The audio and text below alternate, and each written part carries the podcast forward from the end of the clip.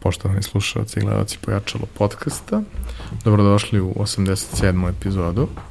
Ja sam vaš domaćin Ivan Minić, naš sponsor je i ovoga puta kompanija Epson, a danas imam zadovoljstvo da mi gost bude jedan mladi gospodin, gospodin po imenu Nikola Stanišić, momak sa izuzetno neobičnom gotovo startup pričom u industriji u kojoj su tradicionalni načini poslovanja dosta ovako dominantni. I kada smo se upoznali pre nekog vremena ja sam već znao za proizvode i sve mi je to bilo interesantno i, i pakovanje i proizvodi i sve, ali mi je posebno bila interesantna ta energija koju, koju nosi.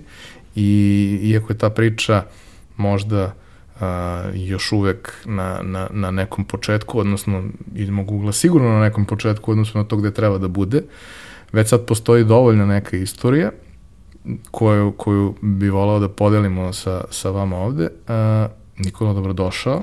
Bolje te naša, Ivane. U pitanju je brand Šumska tajna.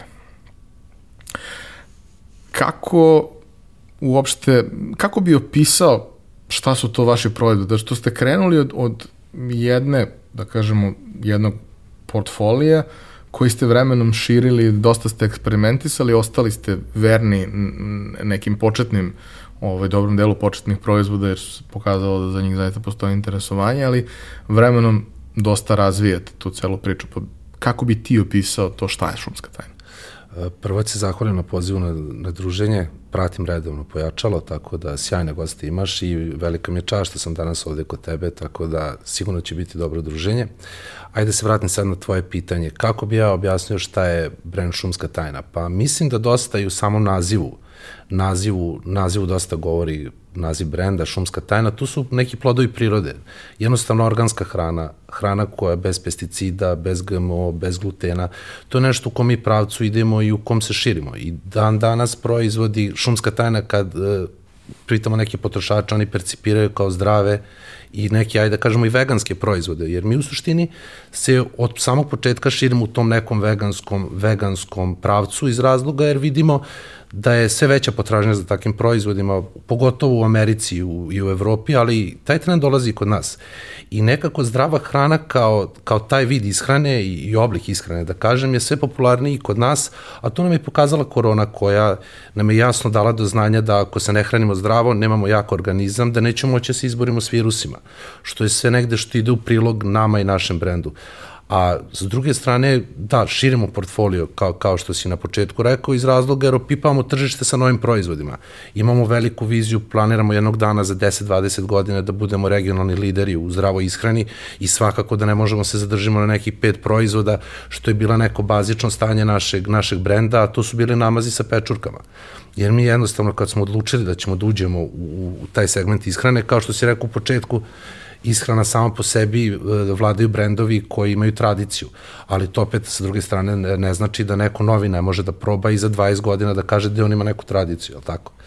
Pa ne samo brendovi koji imaju tradiciju, nego generalno postoji neki a, prepoznatljivi set proizvoda koji se proizvodi vrlo redko neko tu ulazi sa nečim što je novim. Čak ako, ako idemo ka tome da, da, da postoji dosta danas zanatskih brendova, uh, te ne znam, ajvara, slatkog, džemova i slično, to su i dalje proizvodi koji su potpuno uobičajeni i prepoznati. Oni jesu skuplji možda od ovih industrijskih, jesu bolji, ali je to i dalje ajvar, to je i dalje džem, to je i dalje slatko, to je možda ono, med sa ukusom, ali je i dalje med, med koji, koji je tu vrlo prisutan. A m, to sa čime ste vi krenuli a, su na neki način proizvodi koji uh, ovde nisu imali nisu imali postojeće tržište na koje možeš da se osloniš i kažeš, e sad super, mi sad imamo 20.000 ljudi koji to kupuju, hajde da krenemo da zadovoljimo njihovu potrebu. Tako je, znaš kako, u potpunosti si upravo, e, određeni e, kategori menadžeri u određenim trgovinskim lancima u Srbiji smatraju da smo mi otvorili jednu potpuno novu kategoriju.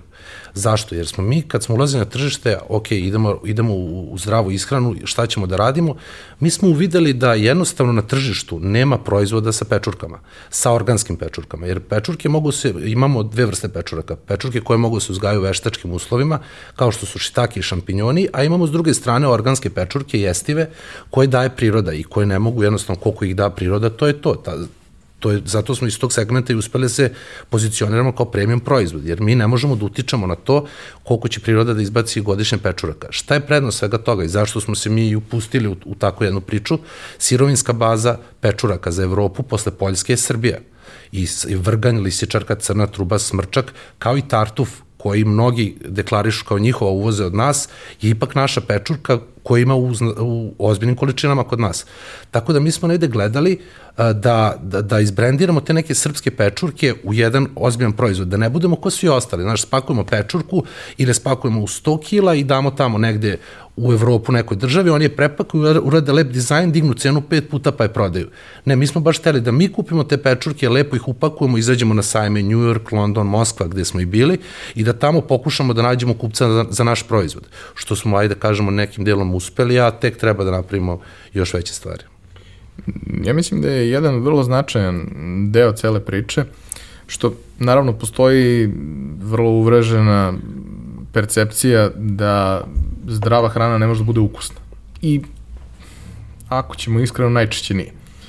E, najčešće nije i nekako kad, kad razmišljaš o svemu tome, kao da ljudi koji su insistirali na tome da, da ok, zdravlje bude na prvom mestu, nisu razmišljali o tome da ni, ipak i neko zadovoljstvo tu treba da postoji u, u celoj te konzumaciji.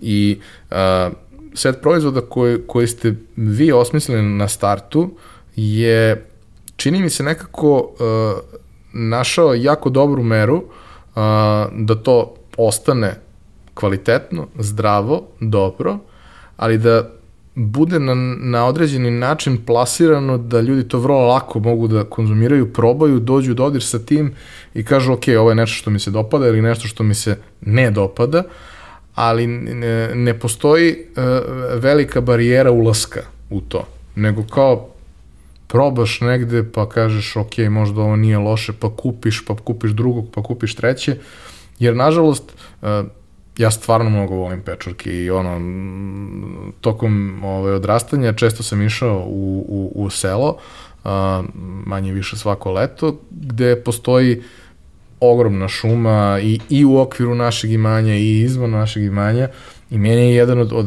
ono, najlepših doživljaja tamo bilo skupljanje vrganja svako jutro. Ovaj, I sad, u celom tom našem kraju, ovaj, dosta ljudi je e, pošto to nije naročito plodan kraj u smislu zemlje, ima za određene kulture, jeste dobar, ali za neku ozbiljniju poljoprivrednu proizvodnju baš i nije.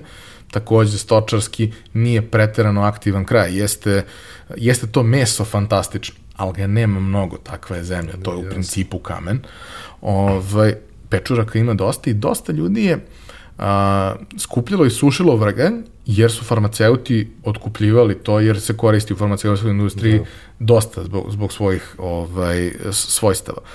Ali samim tim što je toga bilo dosta i što su se ljudi bavili time, uvek je moglo da se skupi neka mala količina da se uz ručak doda i ja sam tako krenuo da, da volim pečurke izvan onoga što su svi negde bili navikli, to su šampinjoni koji su ok, ali su mm, blanko potpuno yes. i ono, najdefault ukus koji, koji postoji što se toga tiče.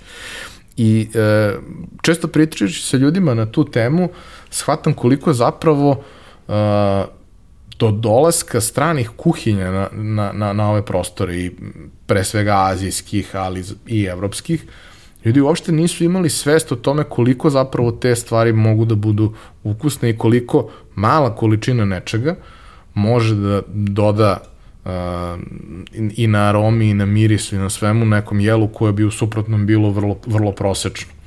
I mislim da, da sve te nekako stvari plus činjenica da lagano u svemu što, što uh, sveme gde je moguće uh, u onim segmentima društva koji, koji su platežno sposobni idemo ka zanatskoj hrani, idemo ka zanatskom vinu, zanatskom pivu, zanatskom manje više svemu gde, gde se insistira na tom nekom kvalitetu, ne toliko na kvantitetu, tako da su nekako se su se stvari dobro posložile i mislim da, da je tajming za sam početak bio, bio jako dobar.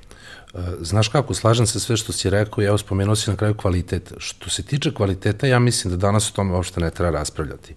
Baš iz razloga jer mi na policama se borimo sa brendovima koji postoje 20-30 godina, koji rade marketing u prime time-u, koji su mnogo jaki logistički, marketinški, sve segmente imaju pokrivene, imaju velike budžete i male firme kao što je moja i, i handmade zanatske radnje koje si spomenuo, mislim da ne treba da razmišlja o kvalitetu. Znači, kvalitet je broj jedan i to se podrazumeva.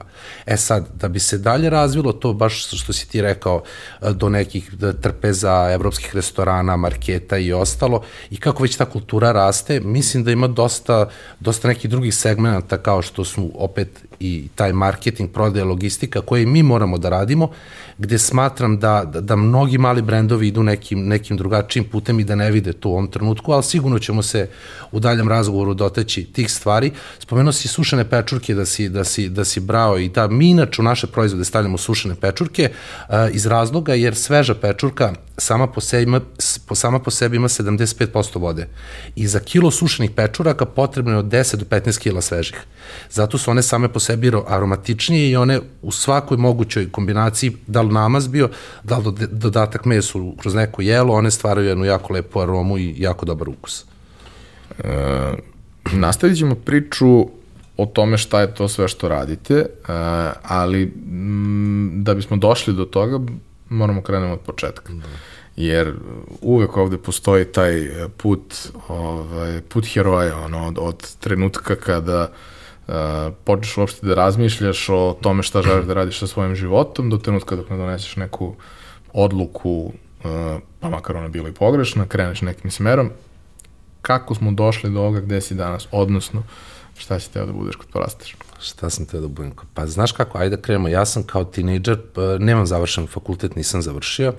Ba, završio sam nekih more kurseva i pročitao brda knjiga, čitam i dan danas jer smatram da sve u životu mogu da nam uzmu znanje nikada, tako da gledam što više da radim na sebi, ali kad sam završio srednju školu probao sam da idem na fakultet, tad nisam imao jasan koji većina ta tinejdžera, ono, posle tog nekog perioda, nisam imao jasan pravac gde ću i šta ću, ali sam u, u jednom trenutku krenuo na fakultet, tu sam odustao, bio sam dosta buntovan kao mlađi, mislim nisam ja sad puno stariji, imam 27 godina, ali pričam o nekom periodu od 20 godina i dve, tri godine ja, da, nisam ništa čak ni radio. Ja sam posle dve godine tog nekog perioda pred ulazak u šumsku tajnu sam radio kod roditelja u firmi. Moj, inače dolazim iz preduzetničke porodice i moji roditelji posluju u, u proizvodnji alkoholnih pića već 14 godina i ja sam radio nešto malo u komercijali, uvek mi je prodaja generalno dobro išla. I onda je u trenutku kao i svi, teško raditi s ćaletom, to znaju oni koji rade, tako da uvijek imamo, drugačije percipiramo kad nam neko drugi kaže, a drugačije kad kaže ćale i onda sam se ja spakuo, otišao sam za Nemačku moj drugar je tamo radio, da, ono, klasična priča, srpska, znaš. Otišao sam tamo, moj drugar je radio, radio na baušteli, ja nisam radio na, na baušteli, radio sam, radio sam, tad su bile ono invazija azilanata u Evropu i bio sam radio sam na nekom kampusu za, za azilante i tu sam probao nekih pet meseci radeći tamo i, i onda u jednom trenutku otac me, otac me zove kao, ma daj, gde ćeš naš, imamo ovde firmu, ajde kao nešto svoje da pokreneš, ja ću te pomognem pa ajde, šta ja imam super ideju, jer on ima prijatelja tehnologa, mislim ima ga i dalje, ali u tom trenutku su oni kao, imamo super proizvod, ajde da, ajde da, da vidimo da, da to radimo, I ja rekao, ajde, znaš, ajde, vidjet ću, razmislit ću, evo, šaljemo ti mi, pošalje mi stvar u Nemačku, do Minhera mi pošalje 7-8 teglica tih proizvoda, I mi s društvom uveč uzmemo i sve to pojedemo. Ja vidim da je dobar proizvod, ali sad na uzorku od nekih 4-5 ljudi, ovaj, to je jako velika greška donositi neke radikalne odluke, ali ja u suštini vidim tamo da ja nisam za onaj sistem da me to ne odgovara, da je mnogo generalno ljudi su hladni gore, nisu, nisu kod nas, e, ajmo kafa, ajmo, ajmo piće i ostalo, to malo gore drugačije funkcioniše i ja se, aj on kao pomoću ti, e, daću ti pare za opremu da kreneš, da se vratiš i ja rekao, ajde, vraćam se. Međutim, vratim se ja ovde i sad sedem, svaj došao tu par dana sad ovako onako i sad kaže Ćale, ajde, hoćemo da krenemo da radimo. Pa rekao, hoćemo, ajde da nabavimo opremu i to kaže, pa kako da nabavimo opremu kad, kad kaže, ne znam da će da ide proizvod. Pa čovječe, rekao si mi da ćemo nabavimo opremu. Pa kaže, jako je teško sad, ja tebi, toliko sam te puta podržao kao klinc, ono kad si bio tinejdžer, sto puta si mi ispalio, ono, da ustaneš posle dva meseca, ne mogu ti ja sad o, odmah tako. Pa rekao, pa šta da radim da bi ti meni kupio opremu? Kaže, ja sam naučio, on inače pa dugo i preduzetnik, vodio neke velike firme po Srbiji, dugo godina je u biznisu. Kaže, mene život naučio da je pijaca najbolja škola. Kako čale bre pijaca? Kaže pa pijaca, kaže na pijaci ti najbolje jer imaš direktnu komunikaciju s potrošačima, ti možeš da dođeš do toga da li ovaj proizvod dobar ili nije, jer jasno će ti biti šta treba da menjaš u njemu. U njemu. To je bilo pre neke tri po godine, sećam se, bila je zima 2000, ne znam koje godine, bila pa eto pre tri po godine, neka 2017. tako nešto. Ja uzmem na balonijevoj pijaci, uzmem tezgu, pola tezge, izbacim svoje proizvode, smrzavao sam se svaki dan, to se sećam i krenem da mažem, pričam s ljudima, prodam, ono, prodajem, ljudi govore šta im, šta im je okej, okay, šta nije. I ja u jednom trenutku i sad tu negde zajedno, kažemo, krene ono, 20-30 teglica svaki dan se prodaje, ja vidim da to ljudi vole, onda kreće se vraćaju ljudi koji su već, već kupovali, ja kao mačale, to je to, nema šta, idemo, kaže, pa daj bre, da su 20-30 teglica, sad treba ti dam 20.000 eura za opremu, mislim, znaš, kaže, mislim, on je to sve znao od početka šta radi sa mnom, samo me puštao po, postepeno, što kaže step by step. Kaže, sad zatvori tu tezgu i kaže, svaka beogradska pijaca ima tezgu koja prode pečurke sušene pečurke, sveže pečurke, šampinjone, ovakve, onakve, otiđi na svaku i dogovori se s ljudima da im daš robu na komisiono. Šta to znači? Ja njima dam robu, oni kad prodaju, poruče novu, plate mi prethodnu. Ja tu prvi, prvi, prve, prvi mesec izbacim 1300 tegli prodam na, na 15 beogradskih pijaca. I to se videlo da to, mo, da to može da ide. Onda sednem s njim i on mi kaže, ok, ajde sad ovako, šta ti je bitnije? Jer smatraš kad sad treba da pređemo drugi korak, da uđemo u zdrave hrane i ostalo, jer ti bitnije da kupimo opremu ili da ti dam pare da uložiš u neki deo marketinga. Ajde, kad kažem marketinga, ne mislimo e, televizijski marketing, nego jednostavno ono što danas ide gerila marketing, znači degustacije, wobleri, plakati, stimulacije, digitalni marketing koji je neizbežan danas. Ja rekao, ok, ajde, ono, definitivno mi je bolje da uložim u tako nešto, nego sad da, da, da ku 90% proizvođača kupe opremu, napravi proizvod i sad u proizvodnje da se proda. Ne, mi smo krenuli skroz drugačije. Ajmo prvo da upadnemo tamo gde je najbitnije, da idemo merchandising, komercijala, marketing i ostalo, pa ćemo vremenom kad dostignemo neki nivo da kupimo opremu. I mi krenemo u početku outsourcing proizvodnje kod jedne firme u Srbiji koja se bavi sličnim proizvodima, krenemo da pravimo proizvode i onda, a da ostao ovaj novac koji imamo da ulažemo u marketing. I tu mi za početak zauzmemo poziciju neki 200, 250 zdravih hrana i to već polako, polako kreće da, kreće da, da, da funkcioniše, da mi u jednom trenutku kreću ljude na straže u trgovinskim lancima. Što se dešava da prvi jedan od većih trgovinskih lanaca u Srbiji dolazi kod nas, zakaže sastanak i traži ekskluzivu na šest meseci bez listing fija jer ajde da se dotaknem i te teme, listing fees plaćaju svi koji ulaze na, na policu. To ti je mesto na polici, to plaćaš svakom trgovinskom lancu. I to se parametri za plaćanje listing fee su u odnosu na konkurenciju i market share koji zauzima taj proizvod. Znači nije isto platiš za mleko i kafu i hleb i za namaze sa pečurkama. Ali s obzirom da smo mi došli s proizvodom, koji oni, šta je filozofija svakog retailera? Da imaju što veći izbor istog proizvoda. Ako je mleko u pitanju da imaju 20 proizvođača, da bi potrošač mogao da bira. To je njihova poenta, ali tako? A ti onda dolaziš s proizvodom koji je super, koji se traži, a nemaju ga na policama. Tebi je polica besplatna, ali tako? Tako smo mi napravili tu neku penetraciju u, u, u domaće trgovinske lance i onda se to posle, posle, posle nastavilo dalje. Tako da, u suštini, ono, hoću kažem da smo krenuli obrnutim smerom, a onda kad je to sve krenulo, i što se kaže, ono, videli da to može da ide, smo kupili opremu, napravili svoju proizvodnju i startovali. Mislim da, da je vrlo važno što si ispričao ovaj deo priče, zato što često kada, a kao što i sam znaš, dosta pričam ovaj, ljudima koji razmišljaju da pokrenu male biznise ili koji su već pokrenuli, ono, prepoznat je taj e, trend ovaj, da svaki srbin preduzetnik u pokušaju voli da ima svoju fabriku. I da kao, ajde prvo mi da napravimo to, da ozidamo to da, sve, da, da popunimo da. unutra i onda kad sve to završiš, ti kreneš da praviš nešto što nikome ne treba. I šta ćemo sad? Pa sad nećemo ništa, sad više nije da. bitno. Trebalo je pre četiri koraka da staneš i da napraviš neko rešenje kroz koje ćeš da testiraš da testiraš celu priču i mnogo mi je drago što i taj deo sa testom uh, si opet uradio na način na koji to ovde ljudi obično ne rade. Ovde ljudi kad, kad pričaju o tome, uh, pitaju svoje prijatelje jel vam se sviđa. To pitanje ne znači ništa. Da. Prvo, prijatelji, prijatelji neće reći da mu se ne sviđa. Još jer si ti... besplatno. da. Kao, druga stvar, nisi pitao najvažnije pitanje. Da li bi ti dao novac za ovo i da li bi ti dao onoliko koliko meni treba da to da, funkcioniše. Jer kao, E, super je čak i da ti kaže, a dao bih ja dao, ali dao bi 300 dinara, ti ga ceniš na 800 i kao to neće proći. Ovaj, ljudima je naravno uvijek frka da pitaju nekog izvan njihovog neposrednog kruga, tu i tamo pojave se ovaj neki novi klinci koji, koji hoće da probaju, koji hoće da, da ono, izađu izvan svoje zone, zone komfora i da dobiju povratnu informaciju ovaj, i od nekih ljudi koje ne poznaju.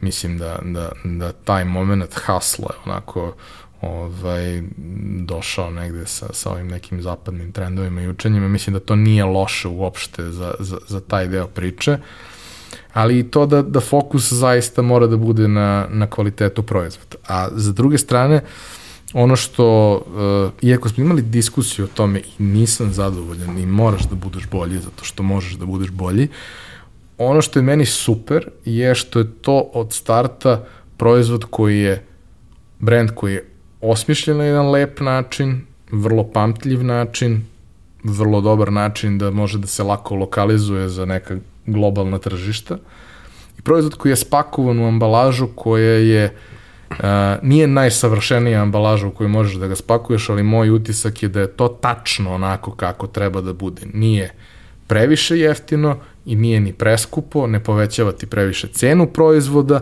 ne, ne pojeftinjuje ga kad ga neko vidi da stekne utisak da je to sad nešto prosečno jeftino i to sve, nego baš, baš, baš kako treba. Kako ste uopšte došli, prvo kako ste došli do imena, uh, Ovaj, a drugo, kako ste uopšte došli do te priče sa, sa ambalažom, jer kao opet pričamo o Srbiji, pričamo o proizvodima gde ljudi misle da teglice ispod 700 grama, to se ne kupuje, mislim, to je nešto, zašto? Kako, šta da prodaš nekome manje od 700 bravo. grama?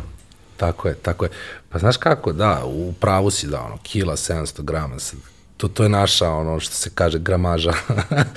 I o, mi smo generalno, da, pa, kad smo startovali naš ceo dizajn kao i dizajn sad humusa i čovek koji nas prati, koji je kum brenda, koji je dao, dao ime, ime brendu Šumska Tana je Igor Nađalin iz, iz, iz, iz Renjanina koji sad živi u Sloveniji, Igor Nađalin studio, oni rade za dosta, ne rade baš za dosta brendova, radio je za jake brendove u Srbiji. I jednostavno mi kad smo, kad pričamo o periodu pijace, zdravi hrana i ostalo, mi smo imali basic, basic onaj dizajn, uh, i u jednom trenutku smo uvideli ulaskom i, i širenjem da moramo da redizajniramo. To je bilo jednostavno nalepljena etiketa koja nije u tom trenutku ništa, izgledala specijalno, ali to bio poklon našeg prijatelja dizajnera i nama je to tad značilo, jer nismo, ajde da kažemo, nismo toliko primećivali koliko je to bitno.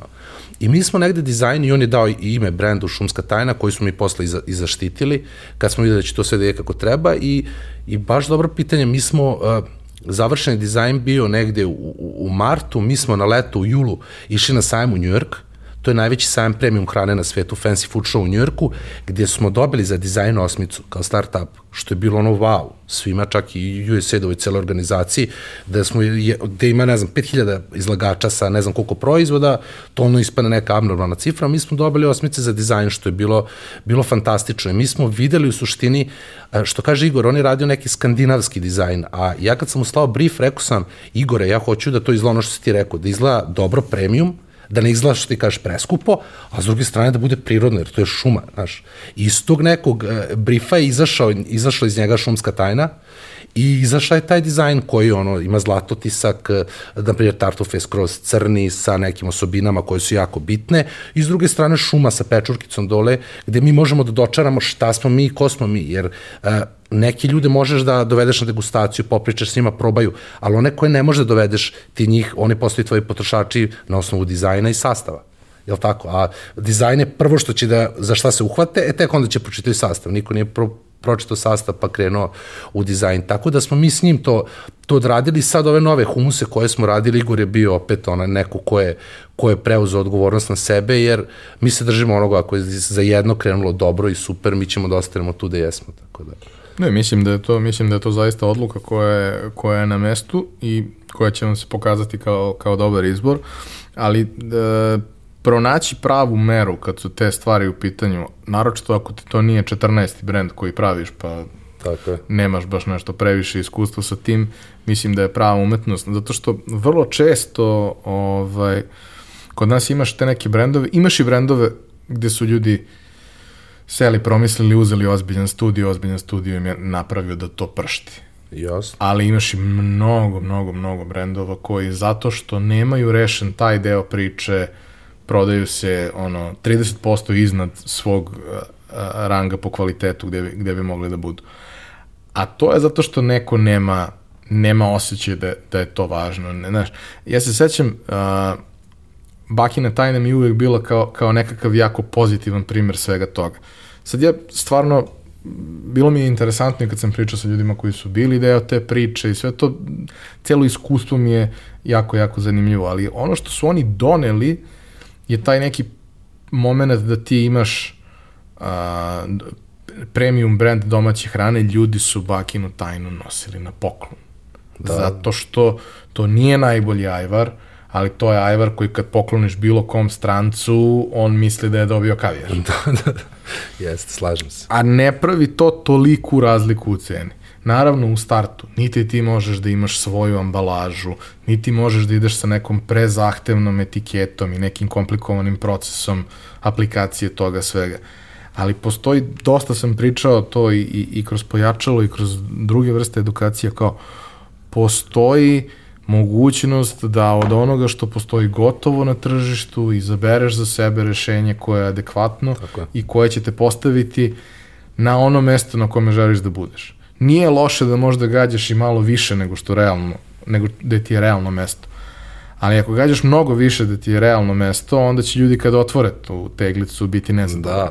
Da, da, sve. A ako malo pretaraš, nema veze, jer uvek moramo da se vodimo i time da iako ljudi misle da jako dobro razumeju i znaju, vrlo često zapravo ne umeju da procene pa, da, šta je da, dobro. Da, da. Znaš, cene isključivo na osnovu nekakvog ukusa, nečega, ličnih preferencija, suštinski se ne bave šta je unutra.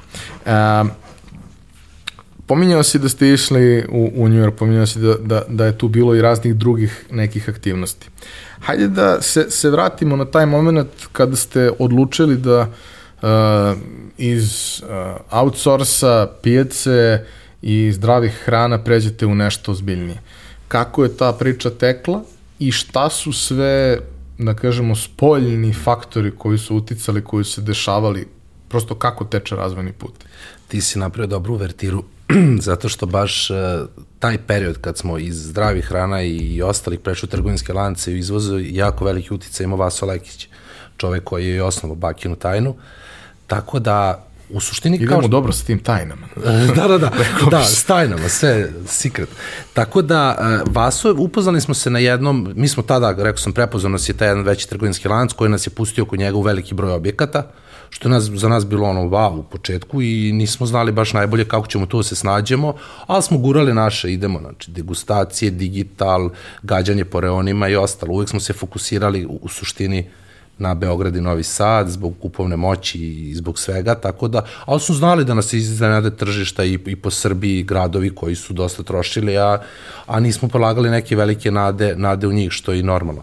Pa ja sam upoznao Vasa bio tad, tad je Vaso već prodao Atlantiku bio, bio Bakinu tajnu i otvorio je tu Mackenzie u zadruga restoran, Mi smo se na nekom festivalu upoznali, on je došao do mene, kaže, sve smo videli, stoji čovjek pored mene i govori, kaže, pa sve smo videli ovo što ovde izlažu, ono što ti kažeš, Ajvar, Džem, svi, ima tih proizvoda, znaš, samo kod različitih proizvođača, ali kaže, ja ovo nikad nisam vidio, interesantno i zanimljivo je. I ja sam s njim tu priču, kao, pa ko ste, pa kaže, ja sam imao neki brend, pa sam prodao, pa rekao, pa koji brend, kaže, pa Bakino tajno.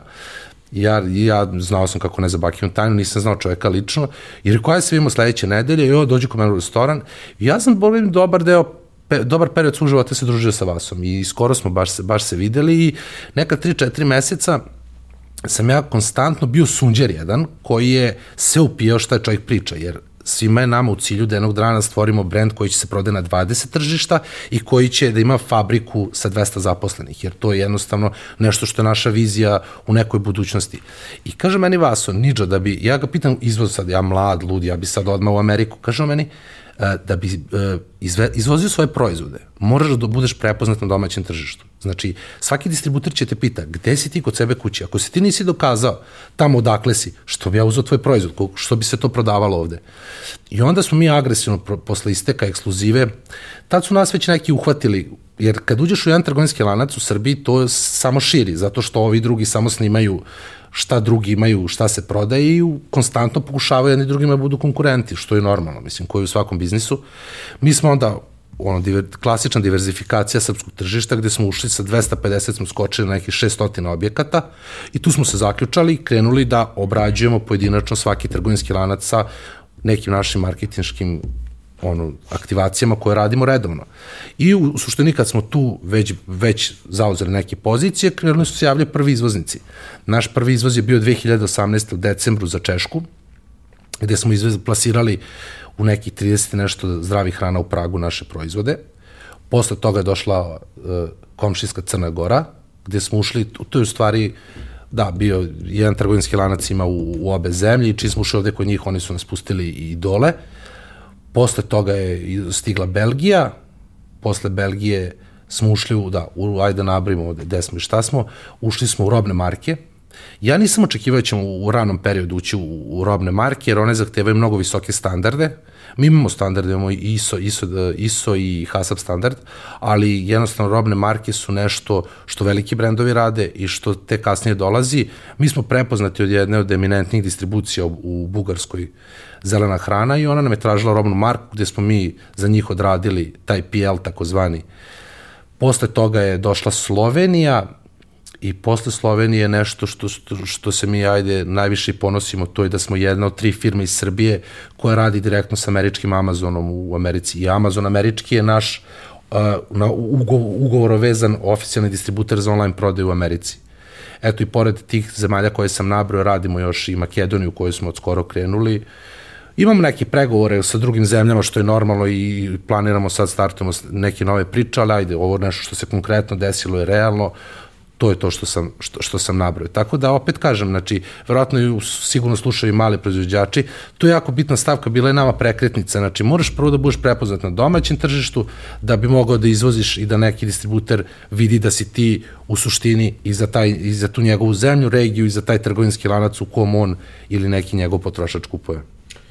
A taj neki prelaz iz uh, saradnje sa suštinski sebi sličnima, znači sa malim prodavcima, zdravim hranama i sve ostalo, ulazak u, u, u lance često ozbiljan kamen spoticanja za, za brendove koji se razvijaju, jer recimo da postoje razne vrste iskustava ljudi koji ulaze u te priče i da lanci nisu nužno baš najbolji saveznici, iako naravno povlače mogu da povuku zaista ozbiljnu prodaju, vrlo često imaju i vrlo e, striktne uslove kojih e, se oni ne pridržavaju, a insistiraju da se druga strana pridržava. Kako u vašem slučaju to sve izgledalo, odnosno koliko je vama taj ono moment skoka uh, u, i u nepoznato, ali i u eksponencijalni rast, koliko je to vama bio udar? Uh, super što si to rekao, tako je, tako je. Sad ću ti kažem jednu statistiku koju je, mislim da je, ne znam da li Nielsen ili ko izbacio, od 100% start-upova koji su u listaju velike trgovinske lance, u treću godinu ulazi 20%, a u četvrtu ispod 10%. Ostaje na policama. Znači, ostaje na policama. Uglavnom se izlistavaju izli, zbog lošeg izlaza i ostalih stvari. Ja sada vidim neke brendove koji su ušli sa nama, kad smo i mi se pojavili na policama, koji danas više nisu tamo. Ne neki, nego ve, veći deo tih brendova. Jako malo ih u suštini ostalo. Uh, trgovinski lanci su mađa zve oštrice. Zašto? E, prave najveće promete, e, moraš da ih čekaš, znači moraš da ih kreditiraš, to je definitivno stvar koja može bude kobna za male, za male, za male brendove, ali opet uh, nisu ni oni až daje, neće niko, de, mi nemamo proizvode ako jedan trgovinski lanac u Srbiji najveći ima 420 objekata. Nikad on neće je pustiti u 420 objekata. Ja to kažem malima, malim proizvođačima kad me pitaju za savete, nemojte da bežite od trgovinskih lanaca, uđite u pet, uđu pet njihovih objekata. Ne može tebi pet objekata puče 5 miliona dinara robe. Zna se koliko može. U nekim si zdravim hranama koji imaju po 10 radnji, pa više će, mislim, možda i ovi će dosta ti povuku, ali ne može ništa da se desi sa pet. E tako smo mi u suštini i kretali sa određenim trgovinskim lancima za koje nismo bili 100% sigurni. 15 objekata, 30 objekata, pa iz njihovog plaćanja i cash flowa smo se proširivali kod njih u, objektima. Znači nismo nužno gurali svoje pare da bi to išlo, išlo proširivanje, nego smo čekali da nam plaćaju i to smo polako vrteli i tako smo ulazili, ulazili u njihove dodatne objekte. Razlog zašto dosta njih se izlistava sa, sa policije je baš ono što smo na početku spomenuli. Fabrika, proizvod, sve super i sede u, tamo, on onda rade džem, evo da ću primjer džemova, pošto Srbija opšte poznata, jer tako ako nemamo 3000 proizvođača džema, mi ono, nemamo ništa. Znaš, i, i onda dođe napravi džem tamo su obično da to bi isto teo spomenuti šta sam primetio dosta se družim i poznajem dosta proizvođača hrane e, dosta njih je u, u ovaj posao ušlo iz hobija E, pare su stekli i kapital na nekom drugom biznisu i, i, i poslu i onda su kao, znaš, žena ne zna šta da radi ili ne zna šta, ajde otvorimo nešto da radimo. I onda kupe super ono, opremu, naprave fabriku, sve i onda tamo daju nekom poludistributeru, pošto zna se ko su distributeri i zna se kad ti uzme ozbiljan distributer kao što je Neltil Silbo koji promet moraš da praviš, Uh, I onda u nekom ono, osrednjem distributeru da, on tamo ga ulista, naplati ulistavanje, sve i stane na policu pored bakine tajne. I sad dolazi potrošač, naravno, uh, što bi rekli trgovinski lanci, ovo su naši strateški partneri, jel tako? Strateški partner uvek mora biti jeftiniji, a strateški partner radi agresivan marketing i već je do, dugo poznat jer je na tržištu 20 godina i ono što ti kažeš, on se uvek opredeljuje za onaj drugi brend. E sad, ja ne znam šta tamo stoji, siguran sam da 80% tih koji stoje pored imaju kvalitetni i bolji proizvod, ali ja stvarno ne znam šta je u toj teglici za 700-800 dinara, a nije mi baš lako da ih izvadim i da ih dam. E to je ono, gde vam je devojka, gde su vam akcije ja kad kažem nekim proizvođačima, mi konstantno radimo akcije. Znači, mi nemamo mesec dana u godini da nismo negde u nekom trgovinskom lancu, da nismo na akciji. To, e, Nielsen je izbacio statistiku da 45% ljudi u Srbiji kupuje na akcijama. Šta nam to govori? Znači, koliko mi možemo da dignemo našu prodaju ako naš proizvod na akciji? Ja sam čak i radio eksperimente sa trgovinskim lancima.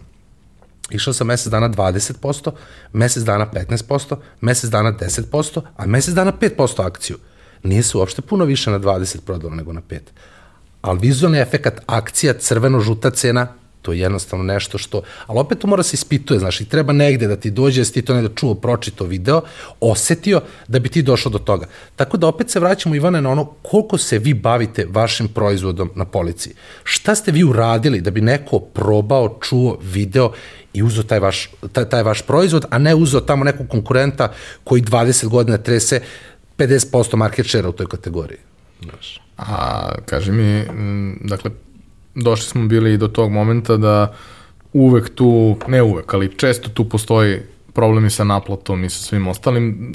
Uvek se to plati u nekom trenutku, ali da. naravno može da kasni malo više i, i, i tako dalje. A, koliko uh, je bilo uopšte pregovora oko svega toga? Kako je to teklo? Kako se, mislim, i to je vrlo bitna tema, pošto opet e, mislim da je to stvar mentaliteta, ovaj, da naše ljude uvek sramota pričaju o parama i da pričaju o da. ceni, o bilo čemu. Plata? Dobro, mislim, ne, ono, ne, ne moramo da zalazimo u te stvari, ali kao, da. brate, kako se formira cena proizvoda? Da. Kako se formira cena proizvoda? Šta su očekivanja uh, prodavca? Kako se ti postavljaš prema tome? Jer kao, tebi je najbolje Naravno, ako možeš direktno da prodaš svoj proizvod, jer tu nema ni jedna ovaj, u lancu ishrane niko osim tebe, pa možeš da daš 30% popusta i ti si verovatno bolji nego kada to dođe kroz, kroz lanac. Ali, kakva je bila vaša strategija, kakav je bio vaš pristup po tom pitanju? E, znaš kako, mi, kao što sam rekao na početku, mi smo otvorili kategoriju. I on sad, e, kada smo mi u pitanju, on ne može da mi kaže, ej, pa vidi, ovaj ovo prodaje za 300 dinara, eno ga tamo za 200. Nema ga tamo za 200. I praktično smo mi bili ti koji su formirali cene tih proizvoda. Znači, namaze sa pečurkama u tim oblicima, kao što mi imamo, nema niko. Niko ne radi. Rade ljudi, ali ne rade na tom nivou koji gde ima u, da sad u jednom trgovinskom lancu u 100 njihovih objekata možeš to da nađeš. Nema na tom nivou. I mi smo jednostavno formirali naše cene. A, sad opet pitaš me ono, od neke proizvođačke cene do izlazne tako cene. Je, tako je. Kako funkcioniše taj deo gde ti kažeš, ok, moja retail cena kroz okay. moje kanale je tolika, ali šta se dešava kad ti imaš svoje retail cene s kojima si ti okay. zadovoljan i treba da pričaš sa lancima. Pa znaš kako, e, u suštini ti form, e, trgovinski lanci su jako, da kažem, ono, liberalni. Znaš, ono, ti njima daš jednu cenu, on ima toliko i toliko svoju maržu i toliko i toliko je PDV. I on tebe stavi na policu. Ako se to ne proda, spakuje ti i vratiti. Znači, na tebi je da li ćeš da, e, kako i na koji način ćeš da formiraš cenu. Naravno, mi nismo imali konkurenciju da se ugledamo na nešto, mi smo hteli da budemo mi, znači svi idu desno, mi idemo levo. To smo mi, nema konkurencije, niko nam nije konkurencija, mi smo sami za sebe, otvaramo kategoriju, mi postavljamo cene. Ali sad, u drugom slučaju, kad izlazimo s proizvodima koji već ima u, već ima u trgovinskim lancima i gde imaju ozbiljan, sama kategorija proizvoda kao, kao humus koji smo izbacili, ima ozbiljan market share, mi smo morali da osmotrimo tržište. I, ali šta se dešava tu? Mi, neka naša proizvođačka cena, cena radne snage, cena logistike, na to sve treba da se ide određena marža proizvođača, koja ja sad ne bi nikom da se mešam, mešam u neku politiku poslovanja, on zna koliko je zadovoljan, ali na sve to mi uvek uračunamo još 10% na akciju i još određeni procenat za marketing jer smo mi opet se vraćamo svesni da neće skočiti samo u korpu potrošača, da mi moramo nešto da uradimo. Da ćemo da, da, da mu namažemo da proba ili ću da, da, da, da, da luka like kampanju radim na, na Facebooku, Instagramu, znaš, nešto moram da radim. Tako da mi to sve uračunavamo. Znači, pored te vaše neke neto marže, koje kažemo ono neto marža, vi morate da uračunate tu neku akciju koja će konstantno da ide na pravi izlaz i neku, neku cenu, cenu marketinga koja je neizbežan, neizbežan u, u, u, u trgovinskim lancima, pogotovo pogotovo on, online prodaj. A što se same politike trgovinskog lanca tiče, kao što sam ti rekao, znači on jednostavno dođe i kaže, ok, tvoja cena je toliko, moja je toliko, PDV je toliko, i on te pušta na policu. Ali o kom redu veličina pričamo? Koju, koji red veličina oni, kada je marža u pitanju, očekuju? E, misliš koliko trgovinski lanci idu, idu? Da. Pa to su neke njihove marže su između 25 do 35%, zavisno od uh, ali oni imaju jednu sjajnu stvar, ne znam, ajde da se to spomenu, takozvane off rabate koji to su rabati koji se nigde ne vide. Znači, to su čisti rabati. Imamo on rabate koji su fakturni rabati na fakturi i off rabate kojih nema za, za ne znam, ono, za liflete i ostalo. Znači, to su neke stvari koje kod velikih tako funkcionišu i ti hoćeš, nećeš. Znaš, ne, ne, nema trećeg, jednostavno, ali ti nigde ne možeš da dostigneš promete i turnover kod drugih kako možeš kod njih. Tako da oni kažu toliko je naše, to nije, nije puno, zdrave hrane idu 40%. Znači, on ide mnogo manje od njih. Onako tebi maržira 25%, to je koliko? Za 15% manje nego jedna mala radnja, što je normalno. Ne može, ma, on mu treba plati kiriju, radnike, rade on žena. Mnogo manji obrt. Naravno. Mnogo manji obrt. Ovi su mnogo, mnogo, mnogo su jednostavniji, mnogo manje marže idu, ali opet to je do nas kako, kako ćemo, ja i uvek kad formiram cene, kao što sam formirao sad za novi proizvod, pričam s mojim kategorijim menadžerima i kažem, ok, ja mogu ti dam ovu cenu, i da ne radim ništa. A mogu ti dam ovu cenu i da radim to, to, to, to i to. On uvek kaže ovu cenu mi daj. Jer zna da ako nešto ih košta više, da ću ja da uradim nešto da se to proda. Ako, neko, ako idem na tu neku... Mislim da cena uopšte nije toliko bitan faktor koliko su bitne neke druge stvari kad su proizvođači u pitanju. Ja se potpuno slažem sa tobom. Ali, nažalost, kao što znaš, imam dosta prilike da pričam sa malima i vrlo često ljudi nisu uh, ne razmišljaju prosto o tome da, da i one bazične troškove izračunaju na pravi način. I to je ona priča, znaš, kao, uh, napravio sam 500 tegli javara, prodao sam ih i zaradio sam. A koliko si zaradio? I on kaže, ne, zaradio sam 200 evra. Koliko te koštalo gorivo i, i slanje toga svega? Ups. Znači, radio si džabe za 500 tegli javara. I to je okej, okay. samo, da. daš, budi svestan da si radio džabe, a ne da si ušao u takvu neku priču. I vrlo često, baš, uh, baš ta tema formiranja cena što ka svojim direktnim kupcima, što ka lancima, je problem, zato što ljudi ne razmišljaju o tome na neki zdrav način, ne razmišljaju o tome da tu treba da postoji nekakav buffer. Nešto što će da ti da mogućnost da, da, da radiš neku vrstu gimnastike s vremena na vreme, da se prilagođavaš i sve, nego kao koliko mene to kad sve saberem, podelim, koliko to mene košta, košta mix, dobro, dodam 10% i superi a šta se desi kad imaš problem? Da, slažem Onda se. si sa, sa minusom, ono, konstantno. Slažem se u potpunosti. Ja znam neke ozbiljne firme, ne samo male, nego neke ozbiljne firme koje su radile godišnje neke jako, malo net, jako male neto marže i u jednom trenutku su morali da, da, da prodaju udeo u firmi i da se dokapitalizuju da bi ušli u globalne nabavke, da bi to bilo isplativo. Da ne bi stavili katanac na bravo. Tako da ja smatram, ako si proizvođač i ako proizvodiš nešto, nemaš ti šta da ideš na male marže, nisi ti trgovac.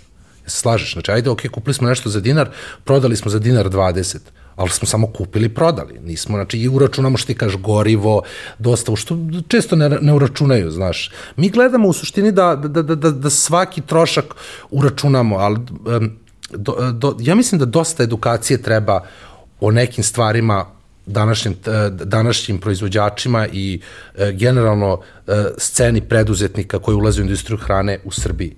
Znači, da ne, da iz, iz aspekta financija, iz aspekta marketinga, prode, logistike, jer dosta ljudi ne predvide i što ti kažeš, prodao sam 500 tegli ajvara, zaradio sam 200 evra. Ne, nisi ništa, zaradio ti si u minusu, zato što si ti vozio to, znaš. Tako da, kad je proizvodnja u pitanju, ja mislim da ne treba da se radi na male marže, da mora sve da se uračuna, jer sutra, ok, sad si prodao 500 tegli ajvara, a šta ćeš kad budeš prodao 50.000?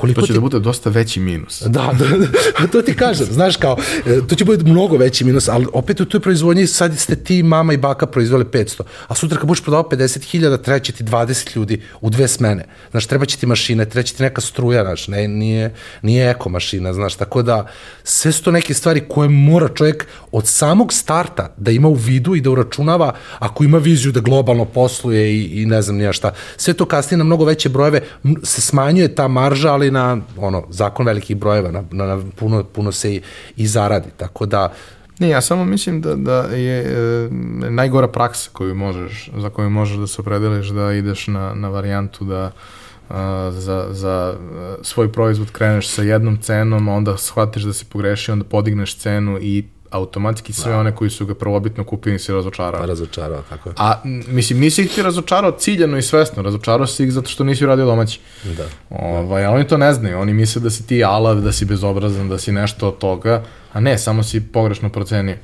Ovaj... To ti je stvarno priča kao male radnje koje krenu ti kupuju robu, znaš daš im jednu cenu i oni formiraju jednu cenu. I sad kad krene ta roba koja, oni kažu, ok, mi ću pređemo na avansnu uplatu, što je danas ono, wow, neko hoće plati avansno.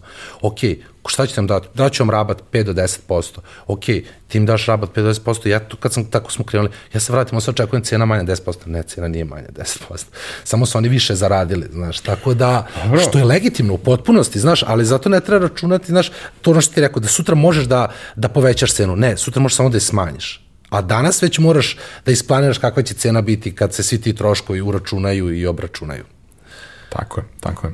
A, hajde da se samo dotaknemo toga kako se zapravo m, razvijao a, portfolio proizvoda koje imate i a, nakon toga da popričamo malo o tome kako je zapravo izgledao taj kontakt sa, sa, sa drugim tržištima, odnosno koliko je to zahtevalo sa vaše strane nekog dodatnog rada, prilagođavanja, sertifikacije, uh, znaš, kada, kada si krenuo sa, ne znam, Češkom, EU si pokrio manje više, možeš pa da. bilo gde, ali, ali prosto ljudima je to bauk, ne, ne znaju, ne razumeju, plaše se toga, pa kao, hajde da krenemo prvo, šta su bili proizvodi, kako ste ih širili, kako ste došli do ovoga što je sad, i nakon toga Jasno, ovako, pa neka, neka prva tri proizvoda koje smo mi izbacili na tržište su bili namaz sa vrganjem, lisičarkom i crnom trubom.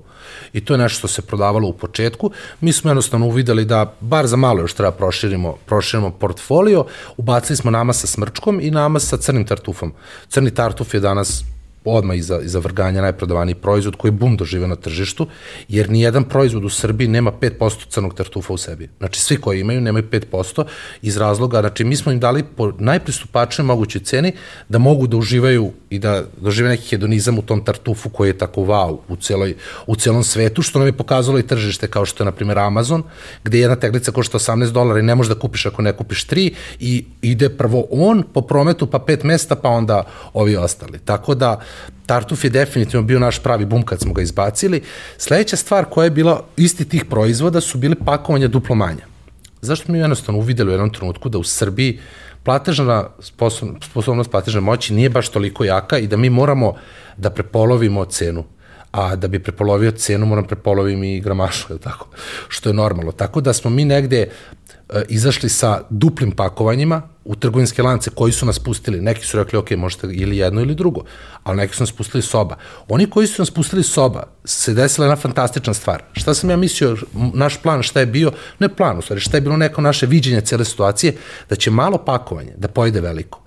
Mi nikad nismo prepolovili skroz cenu proizvoda. Zašto? Jer ne smemo, jer bi odmah ugušili ono veliko.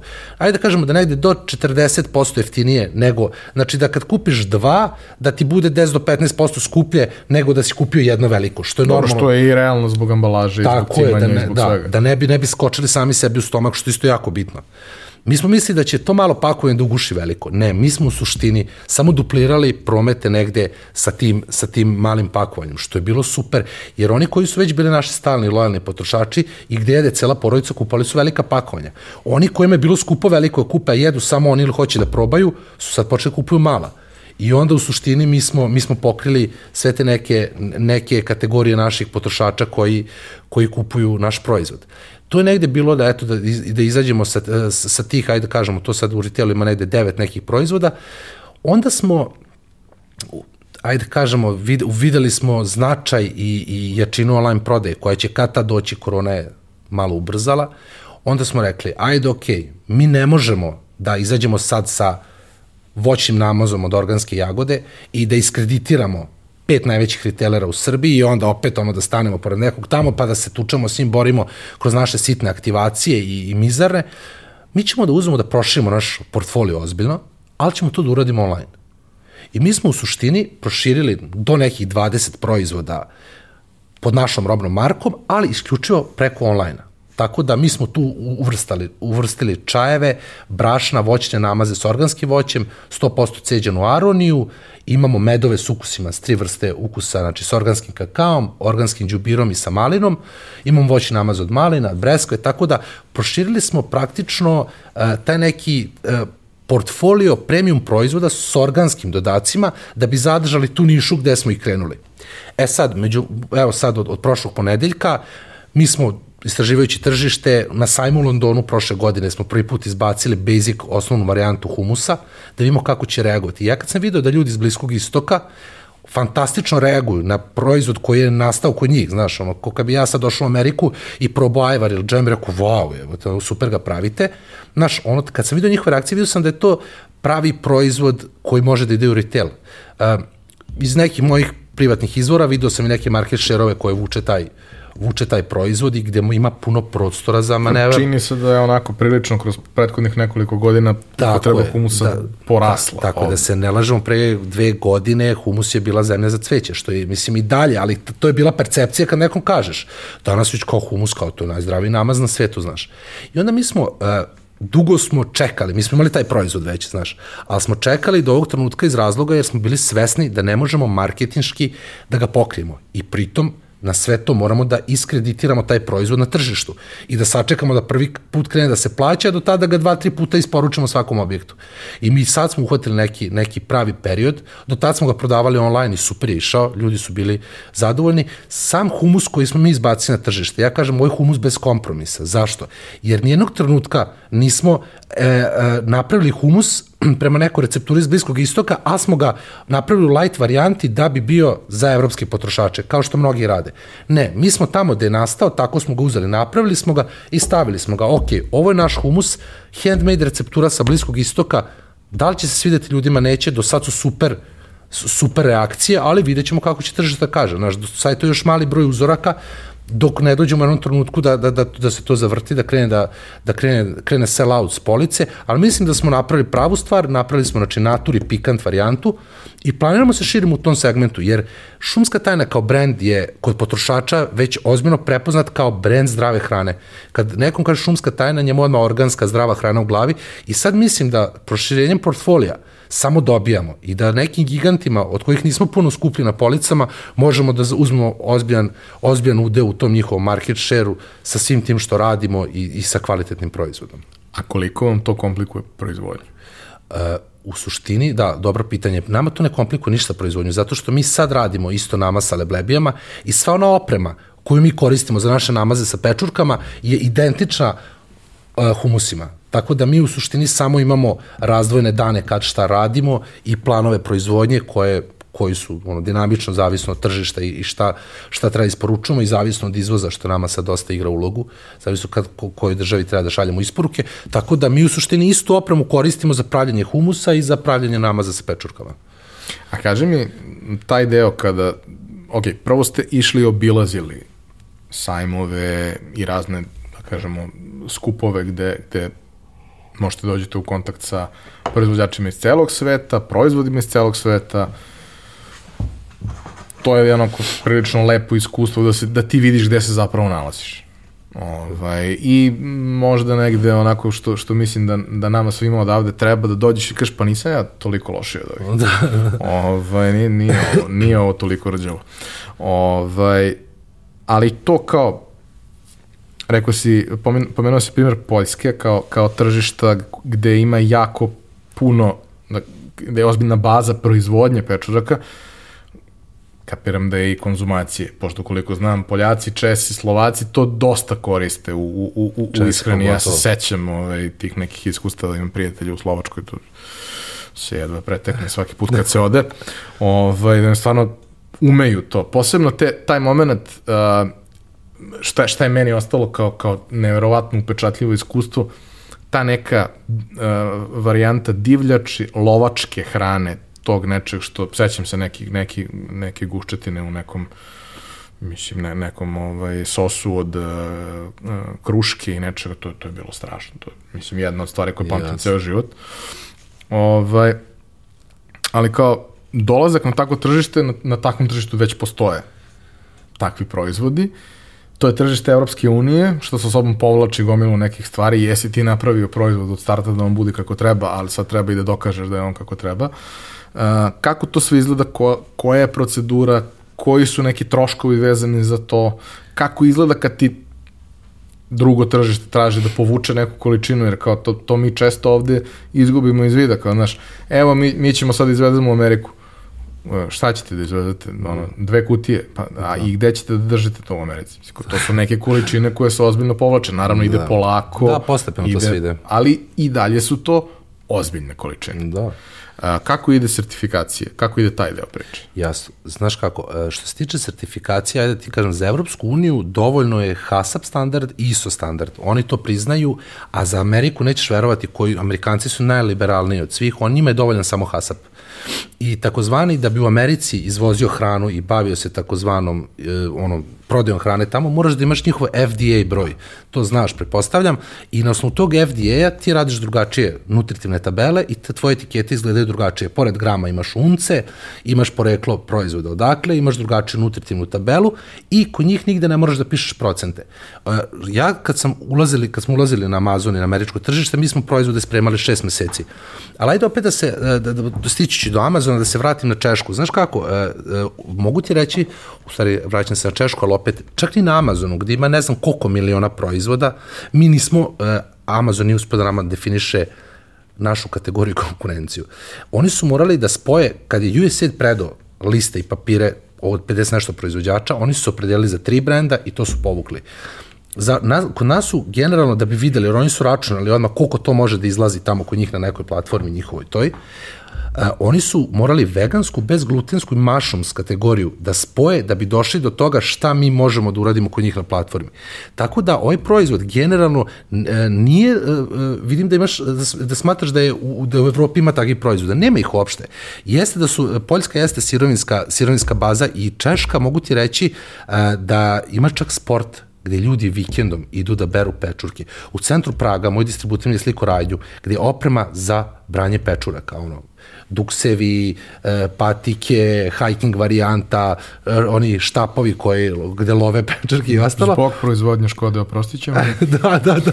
Tako da, tako da u suštini, znaš, e, šta ti, proizvod jeste, jeste bitan, ali ja u početku sam prije napravio, što bi volio da podelim i sa tobom i sa gledalcima, napravio par grešaka, znaš, dao sam samo proizvod. E, ok, evo ti vozi ga radi. I onda ono što treba se radi tamo distributer neki to ne odradi i onda proizvod stoji na policama. Sad imamo neku drugačiju strategiju. Sa svim distributerima smo 50-50% u ceni marketinga i kontrolišemo sve šta se dešava, to plaćamo u robi i naš tim digitalni iz Srbije radi kod njih tamo. To su neki uslovi da bi ti dobio našu robu i da bi mi nastavili. Imamo od ugovoru stoji određeni broj promocija koje mora da se uradi, određeni broj displeja sekundarnih po, po, polica koje moraju da se postave i broj radnjih u koji mora da se uđe da bi mi startovali s nekom državom. Jer mi smo mali brend.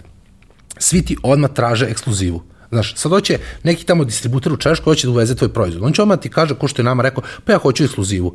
Ok, ekskluzivu. Koliko ćeš ti 1000 eura robe da povučeš za tu ekskluzivu? Jer tako, svako ko traže ekskluzivu, mora se veže. Pa ja ne znam šta će biti s ovim. Ne znam šta će biti. Ok, ajde razumemo te, ne znamo ni mi šta će biti. Ali, tap, tap, tap, tap, to sve mi hoćemo da bi ti dobio tu ekskluzivu, e onda mi znamo šta će biti. Svataš, e to je neki naš nastup u pregovorima, pregovorima sa, sa distributerima preko, a što se tiče same sertifikacije, jako bitna stavka što bi volao da, da napomenem, da ne bi bilo carine u izvozu, bitno je da proizvod koji izvozite bude preko 60% sirovina iz Srbije. Kod nas je to takozvani Euro 1 sertifikat, gde ti ne plaćaš carinu, ako ti je sirovina poreklom dokažeš iz Srbije preko 60%. Kod nas je to 97,5%, 2,5% je himalajska sto, so iz Pakistana, ako mi veruješ. Tako da, meni je to uvijek bilo smešno. Himalajska so iz Pakistana. Tako da, eto, to, tih 2,5% mi kaskamo, ali ovo ostalo, tako da i za Ameriku, i za Evropu, i za Crnu Goru čak, znači to je bitno da se vade ti sertifikati, jer ti ne plaćaš carinu. To je nekih, ono, ne znam, koliko je carina, 10 do 15%, Ne, Dobro, ne, sasvim dovoljno da, da se vredi Sasvim potruditi. dovoljno da se vredi potruditi i da vredi podržati lokalne proizvođače. Što je poenta. On, oni koji proizvode, koji prave sirovinu, nemaju gotove proizvode. Hajde od njih da kupujemo. Ja sam uvijek za to da se napravi neki ekosistem gdje ćemo mi svi da, da, da, da, da zarađujemo i da sarađujemo i da to sve lepo prodajemo tamo u nekom ono Whole Foods u, u Americi. To je sjajna stvar. Da mi iz Srbije, kad on okrene etiketu, tamo piše ko na mojoj etiketi, ko na mojoj etiketi iz Amazonu, Made in Srbija. Znaš, možda on ne, ne zna gde je to, ali piše. Saznaće, znaš, zna Đokovića, znaš. da, E, gde ste našli domaće leblebi? domaći, ima kod nas domaće leblebi. Radi PG Mirilov, ra, rade, oni imaju, i oni imaju čak udruženje od 5-6 čak i sedam ima proizvođača koji ozbiljno kod nas to rade. I rade s dosta kompanija, znaš. Samo sad su oni krenuli da izvoze. E, sad je pitanje da li će u jednom trenutku reći pa nema za vas, znaš. To, to... A dobro, nije pitanje da li će reći nema za vas, nego nema za vas po cenama koje su prihvatljive. Jasno, ali znaš kako, e, mindset e, preduzetnika ovde i dalje na mnogo niskom nivou, znaš. Uvek će, uvek će, uvek će to da ode preko nego što će to da ostane ovde, iako sam ja spreman uh, naplatio sam svoje proizvode preko i spreman sam i skuplje da platim, znaš. Tako da, ali nema veze, ima proizvođača.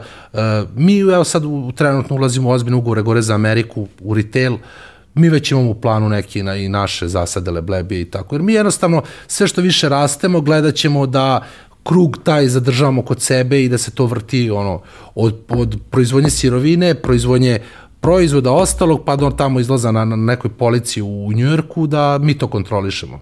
Tako da smatram da sve što smo veći gledat ćemo da i kontrolišemo i nabavku sirovine. Jer trenutno, na primjer, tužna stvar u, u celom našem procesu da ja staklo kupujem iz Češke od nekog distributera koji uvozi u Srbiji. Da Srbija nema fabriku stakla, znaš.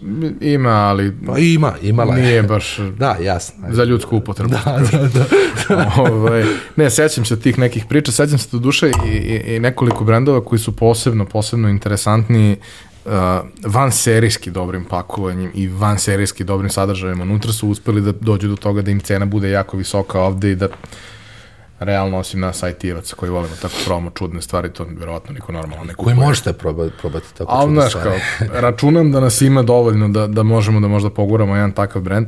Ja se sećam toga da kao gledamo dve teglice. Oni su mi pričali kao kako išlo, pošto stvarno sam bio fasciniran kako izgleda pakovanje. Ovaj, gledamo dve teglice, kao vidiš ova teglica, njoj realno ne fali ništa. Ako ne fali. Kaže, ona sa poklopcem košta 18 dinara. A ova kao vaša što, što koristite, ona košta 97. Ako, mislim, teglica da. od teglica kao teglica. 200 grama, nema ni 200 grama, da. kao, kako sebi opravdate to? To nije naš problem. Kao. Da. Mi smo shvatili da ulazimo u u ono nišu u kojoj se i njihov proizvod kupuje ljudima na poklon. Da. Samim tim je mnogo bitnije da ima neki dodatni stiker, da ima neki dodatni detalj, da to stvarno izgleda Jasne. prelepo, da se vrlo često to nosi u inostranstvu, mislim, i ja sam nosio. Da. Ovaj, i, da, I da negde je to segment koji gađaju. Ne consumer, nego baš onako gurme, da. nešto što je, što je, što, da kažemo, kategorija iznad. I sećam se, sećam se tako nekih primjera ljudi koji su pokušavali sa nekim interesantnim proizvodima odavde sa manje ili više uspeha da se sa nečim što, što bi realno ovde išlo na neku policu da su džemovi slatka i ostalo, oni su to uspevali da gurnu na recimo uh, uz mnogo pregovora, dogovora i svega kažu ne, ne, ne, ovo treba da ide među začine. Pa ne, ali nije za... To da. treba da ide među začine, onda stoji među začinima i da. Više nije čudno što je toliko skuplje i da, neće prodati 5000 teglica mesečno, ali će prodati 500 teglica sa maržom istom kao da su prodali da. 5000 pa na kraju dana nije bitno. Jasno. Ovaj, a, kako je izgledala priča sa, sa, sa Amazonom? Ovaj, ti si mi e, prvi ovaj, sa kojim pričam u, u podcastu na tu temu. Uh, znam i ovaj, ostale učesnike cele priče, ali nekako mi se čini da um, to što vi gađate sa tržištem i očekivanja koje imate možda je najrealnije, naj, najlakše uklopiti, jer kao to nisu proizvodi koji će se prodavati u desetinama hiljada. Uh, ovi neki drugi ljudi sa kojima sam pričao suštinski imaju proizvode koji su mass market i ok, sve je to lepo, ali oni realno to ne mogu proizvedu u nekom kratkom roku i da treba sad da skaliraju drastično proizvodnju. Tako. Ako bi uspeli, u kvalitet toga bi bio upitan, ali u vašem slučaju mislim da, to, da bi to možda moglo da funkcioniše kako treba. Koja je bila vaša mm, motivacija i kako je tekao sam proces i koja je bila uloga USAID-a u toj celoj priči? E, znaš kako, Ivane, mi imamo uh, proizvode koji su veganski, bezglutenski, sugar free proizvodi. To su sve osobine proizvoda na kojima Amerika živi. I mi smo svesni bili od samog... Ima mnogo država u Americi, verujem, vrlo mali broj živi, ali da. u tim državama ima para. Da, ali to, kao što je, na primjer, Kalifornija, koja ima ne znam koliko hiljada rast veganski godišnje, gde sad su krenuli u masovno lobiranje uh, filmova, emisija i ostalo. I jednostavno mi smo znali od početka da ovaj proizvod kao ovakav je za Ameriku, za to tržište, za njihove potrošače. E sad, opet što kažeš, ovo nije proizvod koji će, mislim, može da ide u jednom trenutku, ali jako moramo selektivno da gađamo kako ući na tržište, preko koga i gde se prodavati. I onda u jednom trenutku pokrenuti USAID-ov projekat, gde je USAID komunikaciju napravio sa Amazonom, Amazonom i rekao je Amazon, ok, pošaljite nam portfolio vaših učesnika u projektu. I mi ćemo da kažemo, top, top, top, ima firma koja, to, koja se bavi sa Amazonom, koja radi takozvani ono, researching, gore koliko čega izlazi, kako šta, šta je interesantno i šta može da prođe na toj platformi. Oni su predali, ne znam, 50 nešto proizvođača, radili su se selekcije, na kraju smo ispali, eto, ta tri proizvođača da idemo i to je bilo super, idemo na Amazon, wow, ono, ludi smo, nema šta. Onda je Amazon poslao papirologiju koja treba da se spremi i onda smo mi ono, popadali praktično, zato što, znaš kako Amazon funkcioniše, njemu je njegov kupac najbitniji. Bude li se ta tvoja tegla i oštetila dok se bude transportovala, neću te vidim više tamo, nećeš ući fizički tamo, turistički, a ne tvoji proizvodi. Onda krenuli smo... Krenuli, subtilno. Subtilno, da. Znači, bukvalno, to je bilo subtilno. I onda smo krenuli, krenuli da krenuli smo u pripreme. Šest meseci su trajale pripreme, zašto? Zato što Amazon ima, mi, e, to sam govorio i na jednom na jednom panelu gde smo za vreme korone zajedno, zajedno bili IT, uh, dešava se da imaš dve saradnje sa Amazonom. Jedna je, imaš tamo nekog distributera ili tetku u kojoj ima firmu u, Americi i tetka napravi svoj nalog i ubacite. I onda neko poruči tetki, tetka danas je na poslu, sutra nije, za tri dana pošalje, stigne za pet.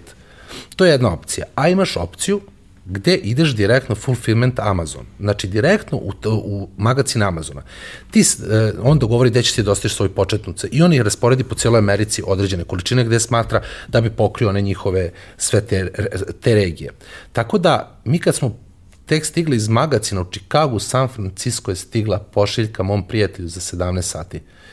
A meni se desi nekad ovde preko određenih ovih, po šest dana da putuje, ali dobro. Znači, šest dana je još dobro. Da, još dobro, da. Ja imam slučaj od 18 dana nečega što je preko ulice. Ali da, da, da, da, tako da, znaš, ono, jednostavno 17 sati Chicago, San Francisco, to je ono, wow. Tako A da... potpuno je drugačije okruženje, kao, znaš, mi smo da. došli u fazu, ja dosta često idem i ono kao došli smo u fazu, bre, kao, i ti treba produžni kabel. Da. Zna se kad ti treba produžni kabel, pređeš ulicu, ako tu ima neki, ili u krugu od 500 metara, ima neko ko prodaje. Tamo niko ne pređe ulicu. Da. I isklikćeš što ti je ujutru na, na da. vratima. Da, sad ti da ideš, da obiđeš, da tražiš parking, pa možda ima, pa možda nema, pa nisi siguran, pa da li je dobar. Ne, brate, isklikćeš i to je ono, ujutru tu. Pa to je na čemu su oni napravili posao Amazon u suštini. Ono što kažu, znaš kako svi kažu, ono, pojednostavi ljudima život e, i postaviš bogat. To je ono neka teorija koja u suštini je i, i i realna. Znači, svako ko je pojednostavio nekome život je uzao neke pare i napravio ozbiljne kompanije. Tako isto i oni, znaš. Uh, jako su, s druge strane, robu su nam avansirali, znači roba je plaćena prema što je odvezena, što je sjajna, sjajna stvar. Šta se dešavalo u tom nekom procesu? Oni imaju jedno, jedno zlatno pravilo, to je sa metar i po, kada pustiš taj tri-pack, takozvani koji mi gore prodajemo, na zemlju, on ne sme se slomi. I to je njihov test. Ti kad, znači, on ne sme se slomi. Ako se slomi, tvoj proizvod nije. Imaš prvu opomenu, ako se slomi teglica, health accounta ti ide na 50%, sledeće je izbacivanje, takozvano izlistavanje, ne znam ni kako, ni kako funkcioniše. Onda smo mi to dugo su tekle pripreme, onda, zato što se šalje iz magazina Amazona, ne bi nikog da pocenjujem, ali tamo jednostavno rade neki ljudi koji nisu na nekim određenim intelektualnim skalama, to oni jasno govore i oni kažu, znači vi sve morate da im ispišete na takozvanom paketu. Znači, bukvalno što nisam lepio nalepnice, diši dok čekiraš. Jer, znači, sve, ono, svaki korak, ovo je tri peko, this is ono, this is, da, da je zajedno, da nije odvojeno, da nije separatisano, da ne otvaraju i ostalo.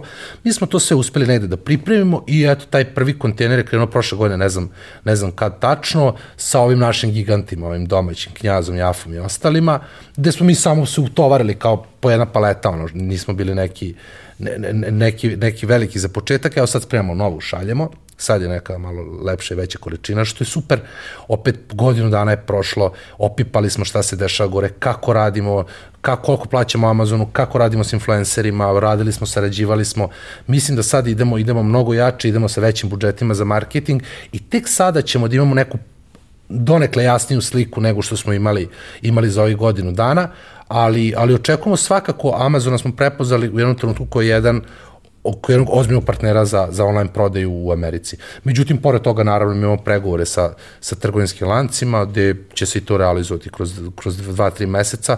Već smo neki ugovori dobili, treba se ispotpisuje, dođu Amerikanci, ja se sve izdogovaramo za detaljnije. Trenutno sad dižemo proizvodnju tri puta, krenuli smo u nabavku opreme, povećavamo ljude, Tako da već ono što se kaže, postajemo neka malo veća firmica od onog start-upa, a izašli smo iz one start-upa, evo, dve i po godine radimo, tako da očekujemo sad ono da uđemo u te lider, ja samo očekujemo da uđemo u liderske vode, proširim tim i da, i da krenemo mnogo jače nego što smo do sad radili. E pa jako mi je drago što si ovo sve ispričao, zato što negde pratim to manje više od, od, od inception faze, jel? Aha. Ovaj, I mislim da se razvijate na neki prilično zdrav i modern način, znaš, nešto što ovde baš i nije uobičajeno i da imate dobar odnos prema tome kako da finansirate sobstveni rast. Ok, naravno, uh, imaš i porodicu kao podršku i porodični biznis kao podršku, sada već imaš i, i, i neki, kažemo, tržišni track record, pa samim tim i, i, i promete i dobru istoriju, pa si interesantan i, i bankama, i investitorima i tako dalje, ali da bi došao do toga, potrebno je da određene stvari radiš na, na pravi način, što nažalost kod nas uh, ljudi vrlo redko o tome razmišljaju. Znaš, uvek je to varijanta uh, E, bio sam u banci da tražim kredit, rekli su mi da prethodne dve godine negativno poslujem i da nije frka nikakva, samo da sad krenemo pozitivno da poslujemo i za dve godine se čujemo. Da. Mm, dobro, a šta će da se desi za ove dve godine? Da. Pa kao ništa, da. idemo dalje. Znaš, taj neki kontrolisani rast, kontrolisani rizik, ali ne stagnacija i ne bez rizika, jer bez rizika prosto se ništa neće ne, ni desiti. Um, Kakva je trenutno vaša pozicija na matičnom tržištu? E, na, misliš na tržištu. Srbije. Pa da, trenutno smo u svim trgovinskim lancima, jedan trgovinski lanac ne radimo do sad, kroz kojima evo smo sad zvanično ono, potpisujemo ugovore do kraja godine, dobili smo zvanične potvrde i ulazimo. Naša generalno, ja sebe posle ovog ulaska u ovaj trgovinski lanac svima radimo, ne vidim negde neku mnogo veću ekspanziju, uh, jednostavno samo ćemo se u nekim određenim trgovinskim lancima gde imamo neke uh, neke naznake da možemo da, da, da se proširimo u broju objekata. Jer opet kažem ti, ako je jedan trgovinski lanac najveći u Srbiji, ima 420 objekata, ti si u 50, smatraš da možeš u 100 da budeš, na primjer. E, to je nešto što ćemo proširiti. Moji iskreno neki planovi su da formiramo ovde dobar tim, ljudi komercijale, te, uh, tamo u proizvodnji i ostalo, a ja svakako, evo, pre prošle nedelje nam je otvorena firma u Kanadi, Forest Secret Canada Inc., koja će da snadbeva celu Severnu Ameriku, uključujući Kanadu, i ja već polako ono, sebe vidim negde sledeće godine na tamošnjem tržištu, isto što sad ovde ovo radim, da, da radim tamo i, i da poguram to sa ekipom gore koju sad već imamo i da napravimo ono totalnu, totalnu ekspanziju na američko i kanadsko tržište koliko to možemo i da, i da zauzmemo neke pozicije na, na tim tržištima jer smatram da gore možemo mnogo, mnogo i ako budemo odavde pametno radili, imali ja, jak tim ovde koji će proizvodnju to sve da izgura, mislim da možemo dosta da uradimo na, na, na, tamo na tržištu. E, kaži mi samo jednu stvar još za, za kraj. Mm, uvek kada pričamo mm, sa ljudima koji ulaze u ovako nešto, pokušavamo da im sugerišemo da da razmišljaju i pokušaju da donose odluke na osnovu podataka. Sad, nemaju baš svi ljudi podatke, a često i kada ih imaju ne znaju da ih imaju i često i kada razmišljaju o tome ne razmišljaju na pravi način odakle da ih se kupljaju.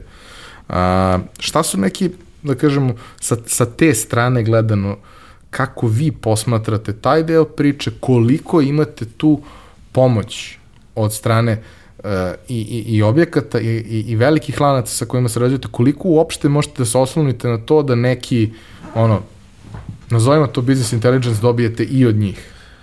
Znaš ako, podaci što ti kažeš i oni koji ih imaju ne znaju da rade s njima, ali podaci koštaju znaš, podaci, svaki podatak koji može da bude bitan u razvoju i dalje, i dalje u nekoj implementaciji nekih novih proizvoda košta. Znaš, znači, zna se koliko koštaju ono, udeo tržišta, market share-ovi i ostalo, ali ono što mi dobijamo konkretno od trgovinskih lanaca je u nekima, gde je to pristupačno kroz neki sitan rabat da dobijemo, to je prodaja naša nedeljna, mesečna i ostalo, gde mi možemo da pratimo trend rasta, gde možemo da vidimo kad smo negde radili promociju, kad smo gađali ovaj objekat kroz digital u komšilu. Kad kažeš dobijete prodaju, dobijete prodaju u, po vrstama, po vrstama, po objektima. Po objektu, po danima. Jasno. Da, to je nešto, to ti je najbolji mogući oblik, jer ti vidiš kad si uradio jednu, dve promocije šta se desilo, pa kad si pustio tamo brand awareness kampanju, tamo na vračaru i gađu komšiluk, da li neko došao, nije došao i tako da ti u suštini, to, to dosta košta. Mi u nekima to imamo gde možemo da priuštimo, a u nekima jednostavno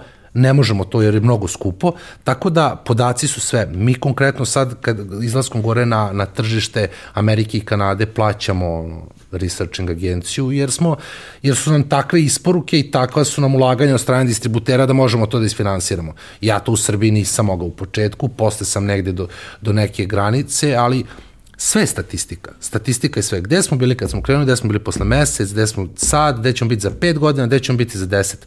To već posle vizija, nije statistika, ali ono što smo ranije radili možemo da vidimo gde smo grešili, što je normalno, grešili smo sto puta, bitno je da smo naučili iz tih grešaka, da je ne primimo ponovo, šta smo uradili i na osnovu šta nam se najviše isplatilo, koja ulaganja u, te, u, u neke aktivacije su nam se najviše isplatila i da to pojačamo i povećamo u nekom narednom periodu.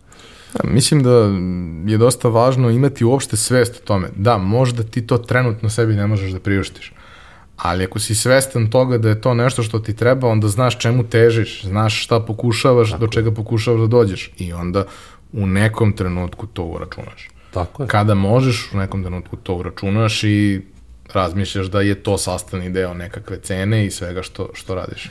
Tako je, tako je. Ja bih volio da, da, da, da, da spomenemo, ono često pričaju mali brendovi o, o prime time-u i reklamama ostalim a, televizijskim. Mi smo evo sad odmah posle korone radili sa Erste bankom, televizijsku reklamu na 11 televizija. Mesec dana 4 do 5 prikaza dnevno, pored toga je što digital i ostalo. Svako ko je video, znači 70% ljudi koji su mi rekli, a videlo ih je mnogo, bilo je i na najjačim televizijama u, u Srbiji, 70% ljudi ti koji su videli nisu moja ciljna grupa i nikad ne bi kupili moj proizvod. Zato smatram da sutra, ne znam koje budžete za marketing da imamo, to ono što kažeš, niste roba široke, niste ono FMCG gde ćete vi da idete, ne znam koliko, uvek je bolje uložiti u digital i u neke druge video marketinga nego konkretno u televiziju, jer ja sam to na svojoj koži video, da neka kampanja koja je koštala 100.000 eura nije ni blizu dala efekat šta smo mogli s tim parama da uradimo kroz neke druge kanale. Tako da ovi u suštini premium brendovi treba više se fokusiraju na neke druge kanale. Mislim da je to jako bitna stvar. Jer znam zbog sebe, ja sam, ja sam u početku uvijek maštio kao da sam na televiziji, ono u pola sedam. Znaš, kad svi gledaju, to jeste dobro, ali da li vaš potrošač gleda televizor u pola sedam? Znaš, to je ono pitanje Lamborghinija, kao neka reklamiramo se na televiziji, pa zašto? Zato što neko kupa Lamborghini ne gleda televizor, nema kada.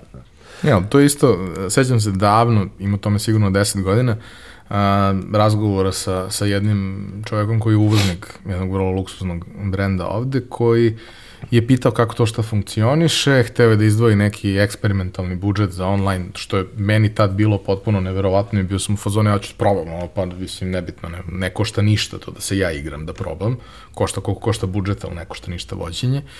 I onda krećemo u neku priču kako to funkcioniše. Funkcioniše mnogo rudimentarnije nego danas, ali i tada si imao uh, ono, uh, affinity korisnika, pa kažeš, ne znam, ono, gađamo ljude koji su lajkovali slične brendove I pričamo mi tu i on kaže, pa dobro, to meni sve delo interesantno, ne znam. Ja gledam i kažem, pa da, ali mislim, ne znam, kao dobri satovi, dobri automobili, pa rekao, da, ali mislim, ljudi koji su lajkovali od MRPG nisu ljudi koji su vlasnici da. od MRPG. Ljudi koji su lajkovali Rolls Royce nisu ljudi koji su Tako, kupili Rolls Royce. Ljudi koji su kupili Rolls Royce baš da. ih briga da lajkuju bilo šta, ono kao. Jeste, slažem se. To je ono naš, nekad ljudi, uh, Znam e, brand jedan u Srbiji u koji je uloženo 11 miliona, pokrenuo ga jedan od najvećih logističara u Srbiji i brand je puko. Zbog čega? Zašto nisu videli da neki tamo drugi brand ne mogu da mu priđu jer je on jednostavno jeftiniji i za ovo tržište, kogu god ti bio premium. Tako da to ono što kažeš, sve te neke statistike i istraživanja su izuzetno, izuzetno bitna. Koliko pre ulaska na tržište i na početku, koliko je vaša, koliko je vaša mogućnost, tako i posla u daljem razvoju. Tako da definitivno ono, slušajte šta drugi govore, istražujte, radite na tome da saznate bukvalno sve što možete što je u vašoj moći. Ništa, želim ti sreću na dalje i ovaj, nemam tetku u Kanadi, ali možda ću da imam drugara u Kanadi, pa eto. Ne, hvala ovaj, ti, Seti me se, seti me se, nisam bio, više puta sam zamalo otišao, pa eto, seti me se. Hoću, samo da te ne da zatvore ko u Americi, ali definitivno, zovem te čim ovo sve prođe. Tako. Pa vidi, znaš šta, mene jesu zatvorili u Americi, ali zatvorili su me u Teksasu, a baš kao što rekoh, tamo nisu baš toliko ti veganski proizvodi, nisu baš toliko popularni. Da. Popularne su te životinje koje konzumiraju veganske proizvode, tako da smo mi nekako preživeli Dobre. tih tri meseca, ovaj, a i koliko sam razumeo, ako negde baš čovjek i mora bude zatvoren, mislim da Kanada ne deluje kao baš tako loše mesto, osim da. zimi kad je hladno, kad, ali mimo toga deluje super. I kad sirve si to. pa dobro, bože moj, volim ja životinje. da, da, važi. Ništa, hvala ti na, na pozivu još jednom, bilo mi je drago da se ispričam s tobom, nadam se se vidimo za dve godine, ovaj, opet, što se kaže u nekoj, u nekoj drugoj varijanti ako Bog da negde ovaj, firma da bude na neko akcionarsko društvo na nekom u Torontu na, na, na akcijama ili negde i da dosta napredujemo u našem daljem razvoju. Nadam se da će biti tako, a vama preporučujem da probate njihove proizvode, zato što ako do sada niste imali prilike to da probate, a volite da probate neku zaista nesvakidašnje dobru i ukusnu hranu koja je, kažemo, domaćeg porekla, uh, to je nešto što definitivno treba da, da, da, da uvedete u svoju ishranu. Eto, postoje mala pakovanje, možete da probati tako, postoje stalne degustacije, pratite na društvenim mrežama, ispratite, pokušajte. Mm, možda vam se neće svideti ovaj, tartufi kao što ja i dalje ne mogu baš sebi da, da ja ih objasnim. Ljubitelj, da. Ovaj, ali zato sve ostalo, a naročito vrganje kao, kao nešto što je, da kažemo, i, i najmasovnije Pa i najpoznatije pečurka generalno. Tartuf da, je najviše brendiran i onaj koga voli, on ga jede kašikom, kao da je krem uzo da jede, ali jednostavno onaj koga, kao ja, što ti kažeš, ne mogu sebi da ih objasnim, ne znam koji mi je to ukus i, znaš, ono, jednostavno, ja sam za vrganje definitivno, on mi je onako light i pravi, tako da... I moja preporuka, a i za sve ostale proizvode i generalno ono, ako ste zainteresovani ošte za neku ovakvu priču, sličnu, sobstvenu ili nekog vašeg prijatelja, pitajte ga. Mislim, možete i mene da pitate, ali bolje njega da pitate, on zapravo stvarno zna nešto o svemu tome. Uh, vrlo je voljan da podeli, vrlo je voljan da uputi, jer jedini način da stvarno ovo tržište postane ozbiljno i konkurentno nekim, nekim regionalnim, ako ne i ozbiljnim od toga je da svi zajedno porastemo. Ovaj, kao što si ti rekao, vas suštinski ne zanima da ulazite u segmente u kojima nije vaša primarna publika. Nećete ulaziti u, u FMCG, jer kao, Naravno. to je cimanje, to je jako velika količina, to je borba cenama koja vam u suštini Naravno. nije baš neophodna u ovom trenutku. ali postoje proizvodi kojima i iz tog segmenta možete da date neke vrlo vredne savete koji su ono konkretno sa izvora. Tako je mi, što kaže naš direktor operacija Sloba Gore za Ameriku, kaže mi u Americi treba da se pozicioniramo kao Rolls Royce među hranom i to je to, nema šta naš mi nismo FMCG, ali ćemo da na osnovu cene i kvaliteta da, da budemo to što jesmo i nećemo da idemo u sve radnje, ali ćemo da idemo na Manhattan, ovde, tamo, vamo i tako ćemo i da, i da se prodajemo. Tako da mislim da je, mislim da je mnogo bolje ići i siguran sam u to da kvaliteta, ne na kvantitet. Što negde brendovi izgube kompas u jednom trenutku kad im dođu veće stvari, odu u kvantiteta, zaborave odakle su krenuli i šta su pričali. To je ona autentičnost brenda. Misli, priča i radi, jedno, a danas brendovi su dosta haotični u tome, jedno misle, drugo rade, treće pričaju, tako da... Pa hvala ti što si, što si dosledan i što se trudiš da, da cela priča ostane dosledna. Hvala vama što ste nas slušali, hvala našim dragim prijateljima iz Epsona što nas podržavaju i čujemo se, vidimo se sledeće nedelje.